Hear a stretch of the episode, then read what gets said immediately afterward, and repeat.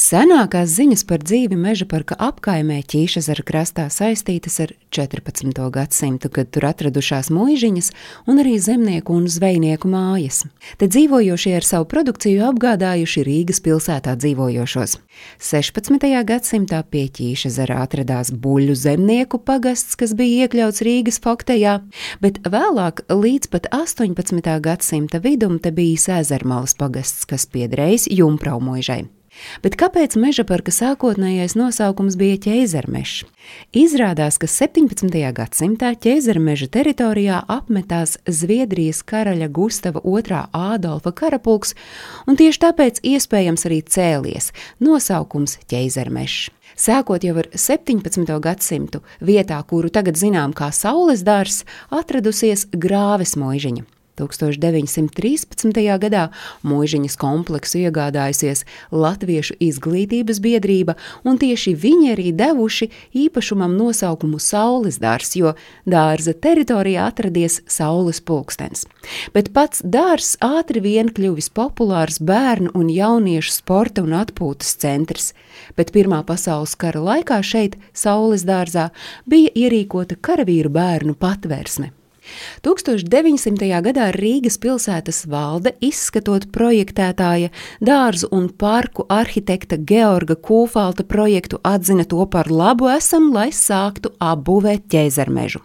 Un tad pienāca 1901. gada 30. aprīlis, kad Rīgas pilsētas pārvalde paziņoja par meža parka jeb ķēzermeža izveidošanu. Salīdzinājumam par pirmo dārzu pilsētu uzskatīto Lečvortu Lielbritānijā sāka veidot 1903. gadā. Lai arī meža parks kā pilsētas teritorija tika paredzēta jau 1905. gada plānos, tomēr saistībā ar dažādām problēmām pilsētas teritorijas statusu meža parkam piešķīra tikai pagājušā gadsimta 20. gadu vidū. Un meža parks ir unikāls pateicoties specifiskajiem apbūves noteikumiem un ierobežojumiem. Piemēram, te nedrīkstēja celt ēkas, cik augstu vēlas, tāpat arī to lielums un novietojums bija jāsaskaņo. Ēkas arī nevarēja celt kā sērkociņu kastītes vienu pie otras. Un, ja sākotnēji meža parka arhitektūrā dominēja modernais jūgenstils, tad vēlāk te parādījās lieliski funkcionālisma stila dzīvojamo ēku paraugi. 1907. gadā Rīgas pilsētas pārvalde saņēma lūgumu piešķirt zemes gabalu zooloģiskā dārza ierīkošanai, un pēc pieciem gadiem, 1912. gadā, arī svinīgi atklāja Rīgas zooloģisko dārzu ar 88 dažādu sugu dzīvnieku kolekciju. Bet 20. un 30. gados pagājušajā gadsimtā šeit pulcējās Latvijas inteligence. Meža parks savā ziņā ir tautas likteņa spogulis. Te savulaik mitinājušies daudzi ievērojami izglītības, kultūras, zinātnes, mākslas, tautsaimniecības, sabiedriskie un politiskie darbinieki. Pavisam apzinātas 400 meža parkā dzīvojušas personas, kuras ierakstījušas savu vārdu Latvijas vēsturē.